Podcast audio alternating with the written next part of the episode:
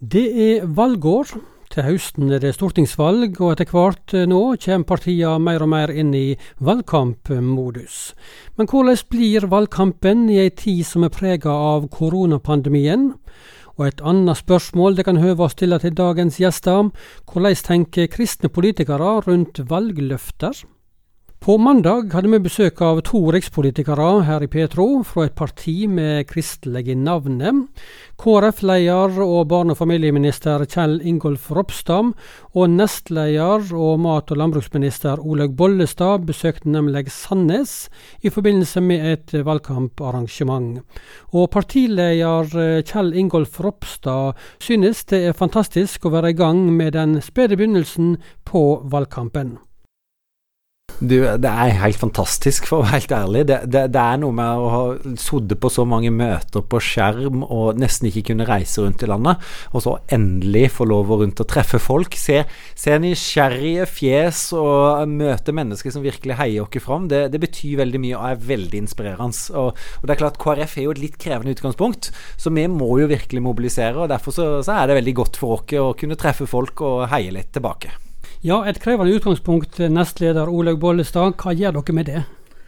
Ja, Hadde vi hatt løsninger, så hadde vi gjort det noe med det med en gang. Men det er jo først og fremst å peke på hvor viktig det er å ha et parti som KrF, et verdibasert parti.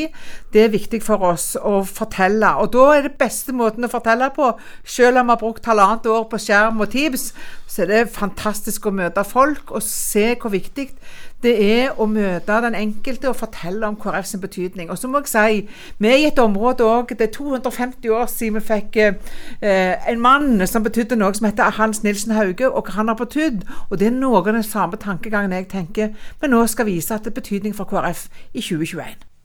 Du, Nå er det en spesiell tid. Eh, vi har hatt koronapandemien i over et år nå. Den er fortsatt i landet vårt. Hvordan har dere valgkamp framover? Hva planlegger dere der? Vi har jo brukt tida skikkelig til å bygge organisasjon, så på en måte så har vi jo nådd lenger ut. Eh, fordi at eh, veldig mange har jo begynt å bruke disse digitale hjelpemidlene og, og, kunne kommunisere på skjerm. Så i den fasen der vi ikke kunne reist, så har vi prøvd å ha masse møter og iallfall bygge organisasjon. Men framover så tenker vi nok nesten som en ordinær valgkamp. Fordi når vi kommer nå over sommeren, så vil de aller fleste i Norge ha fått en vaksine.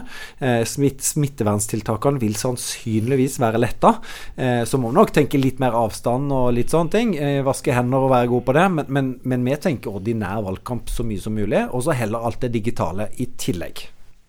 Og dette med å håndhelse på velgerne, Olaug, det må en holde, holde vekk nå? Hun, gir heller en klem, hun. Så. Ja, ja, for meg har jo dette vært ganske krevende. For jeg er jo ei dame når jeg ser folk har lyst til å gi deg en klem og takke for sist og ta i hånda og sånn. Og så Samtidig så vet vi jo at det er jo kanskje den måten det smitter fortest på, uansett hva slags infeksjoner og virus som fyker rundt i lufta. Og det gjør jo at vi ser at det er jo ikke bare pandemien som har gjort sitt, men vi har fått mindre andre infeksjoner. Influ influensa, så det er jo ikke dumt.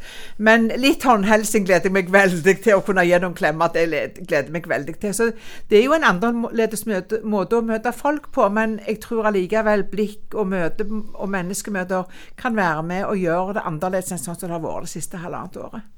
Men vil eh, pandemien gjøre noe med klimaet i debattene, sakene som blir drøfta nå fram mot valget? Jeg tror nok at eh, gitt den situasjonen Norge er i Av og til minner jeg jo folk på vi må, vi må løfte blikket. Vi har tross våre feil og ting vi kunne gjort annerledes, lykkes veldig godt i Norge. Den norske befolkninga har virkelig stilt opp. Er klart å få ned antall dødsfall, smitte. Så heldigvis er det jo, vi kommer godt ut av det, men det er fremdeles veldig mange som er uten jobb. Så det er klart at når vi nå åpner opp, så håper vi jo virkelig at folk kommer tilbake inn i arbeid. Men vi er nok helt sikre på at det vil jo prege. Eh, så når Olaug nevner Hans Nilsen Hauge, så er det jo verdt å minne om at var det noen som har verdier som handler om å få folk i jobb, og at det er menneskeverd å ha en jobb å gå til, så er det jo nettopp mm. KrF. Men jeg tror òg psykisk helse det kommer til å være et tema, fordi det er mange Jeg er jo barne- og familieminister, som du sier, så mange barn og unge har hatt det tøft, men vi vet jo at mange eldre har opplevd ensomhet. Det er masse arrangementer som er blitt avlyst, og det er mange som ikke nødvendigvis har hatt like mye besøk eller kunne gå ut. Så jeg tror at den type spørsmål kommer til å være aktuelle. Så står jo vi her som KrF-ere, og det er klart at den våren vi har vært igjennom, eh, angrep på eh, kontantstøtten, valg valgfrihet for familiene, men kanskje òg ikke minst at eh, Arbeiderpartiet, SV, Miljøpartiet og partiet Rødt går inn for å utvide abortgrensene radikalt. Fri abort til veke 18 og til veke 22. Det er klart at det må KrF løfte. Eh, når en vet at en kan redde et barn ned i veke 23, og kanskje òg enda tidligere i noen andre land, så er det dramatisk altså, at en ønsker en lovgivning som, som, virkelig setter barnet til side som, som, det som blir foreslått. Så jeg håper at det òg blir en sak som blir minnet om i valgkampen, fordi faren for en endring, en radikal endring hvis det blir et nytt flertall, den er dessverre veldig stor. Og det skal vi gjøre det vi kan for å, for å unngå. Kristelig Folkeparti dere er et eh, kristendemokratisk parti.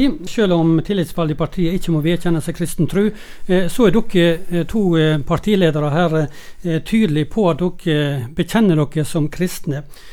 Hva rolle vil du si, du var jo ganske ung når du starta med politisk arbeid, Kjell Ingolf Ropstad. Hva rolle har livssynet ditt spilt at du har valgt den veien? Jeg tror det har spilt mye rolle, fordi eh, det at jeg er kristen, gjør jo at eh, altså verdiene ligger jo veldig tett til meg. Betydningen for samfunnet, og ikke minst Jeg har jo ansvar for tros- og livssynsspørsmål. Så det, det, at jeg vet hvor viktig det er for meg som person, og stor del av det er min identitet, gjør jo at eh, når vi diskuterer de spørsmålene, kan si med stor tyngde og, og, og, og, betydning det har for meg. Og da vet jeg hvor viktig det er for andre å kunne leve fullt ut, bestemme i lærespørsmål, ha trosfrihet, gi støtte til trossamfunnene. fordi det betyr enormt mye rundt om. Eh, så, jeg, så, jeg, tror det prega meg mye. Men jeg husker når jeg var ung, at for meg så var det jo krevende, fordi jeg var veldig aktiv i skolelaget, i KRIK, men, altså idretts- og, og andakter og, og, den type arbeid. Så jeg kjente at politikken tok mer og mer av tida. Så jeg hadde nesten en sånn identitetskrise på at jeg følte at det var feil å bruke tid på politikk, fordi det er jo tross alt, eh, selv midt i en valgkamp, viktigere at folk eh, treffer Jesus enn at de, de stemmer KrF. Eh, selv om jeg vil kanskje si at det like akkurat nå er det nesten like viktig.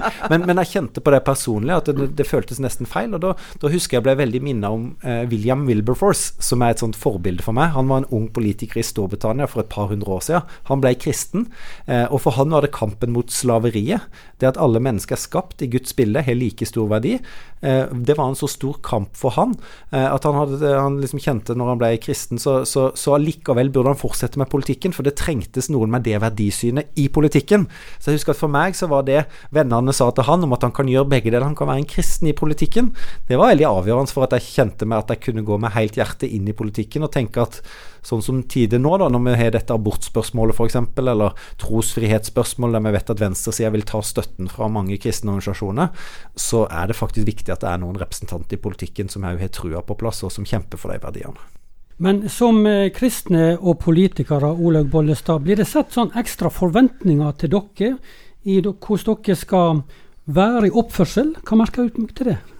Ehm, det er klart at eh, folk har nok forventninger til oss for det med kristne, men jeg tenker det, den forventningspresset har vi jo ikke bare i politikken. Det tenker jeg vi har i arbeidslivet generelt, samme hvor du er. Du skal være heil i din ferd.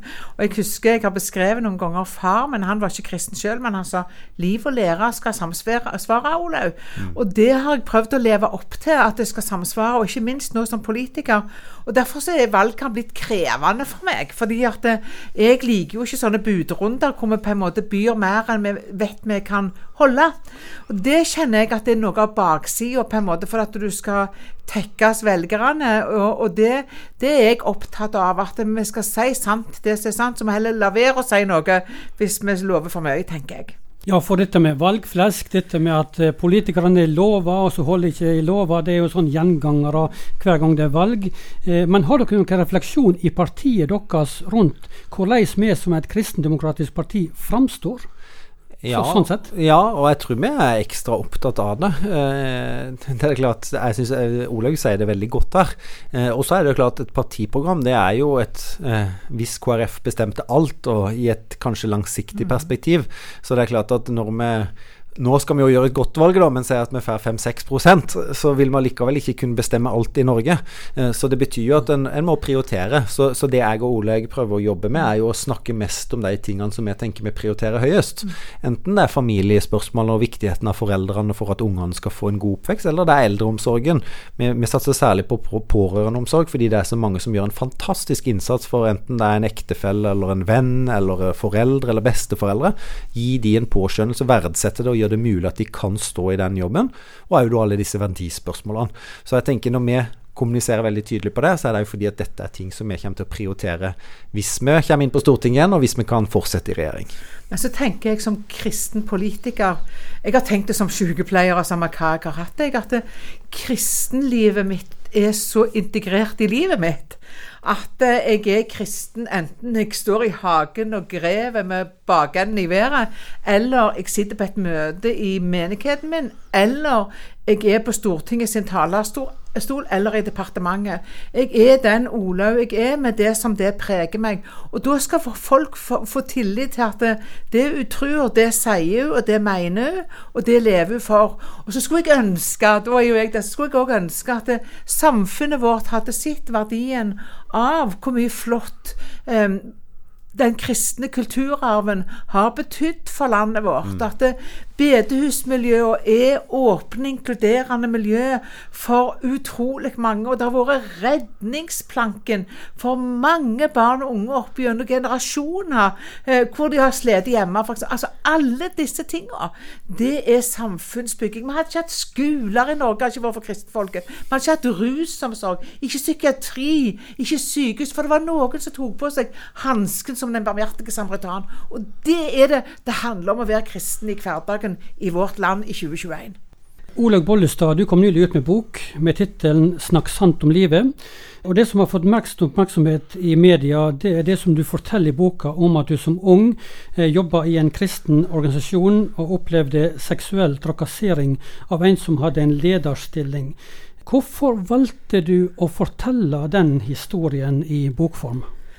Eh, dette er jo en historie som jeg har fortalt i noen settinger uten å komme med den i bokform.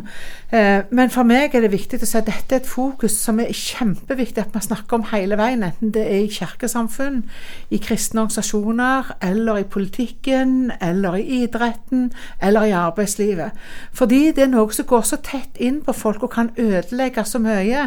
Både for den enkelte, for den enkelte i forhold til sine egne unger. For meg var det jo det at jeg kom til et punkt jeg skulle sende ungene ungene mine på noe av det fineste jeg visste, nemlig leir. Og så skulle jeg tørre å slippe dem. Og det er lurt å slippe sine egne unger, for du eier det ikke. Du skal slippe dem ut i livet, og da var det en viktig prosess for meg.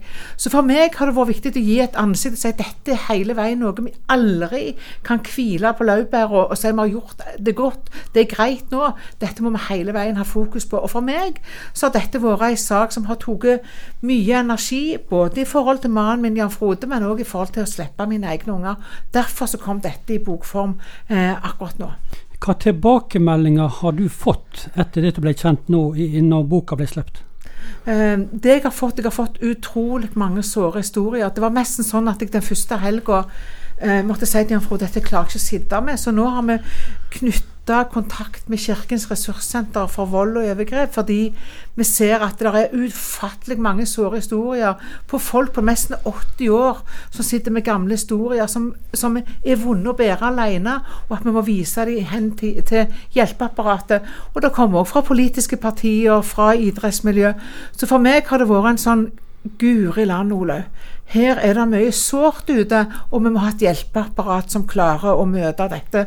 Så det er de reaksjonene jeg har fått. Og så har jeg fått takk fra Nordmisjon, faktisk, eh, som òg fikk en anledning til å vise at de har gått en vei for å lage systemet bedre. Det har òg vært sterkt å få.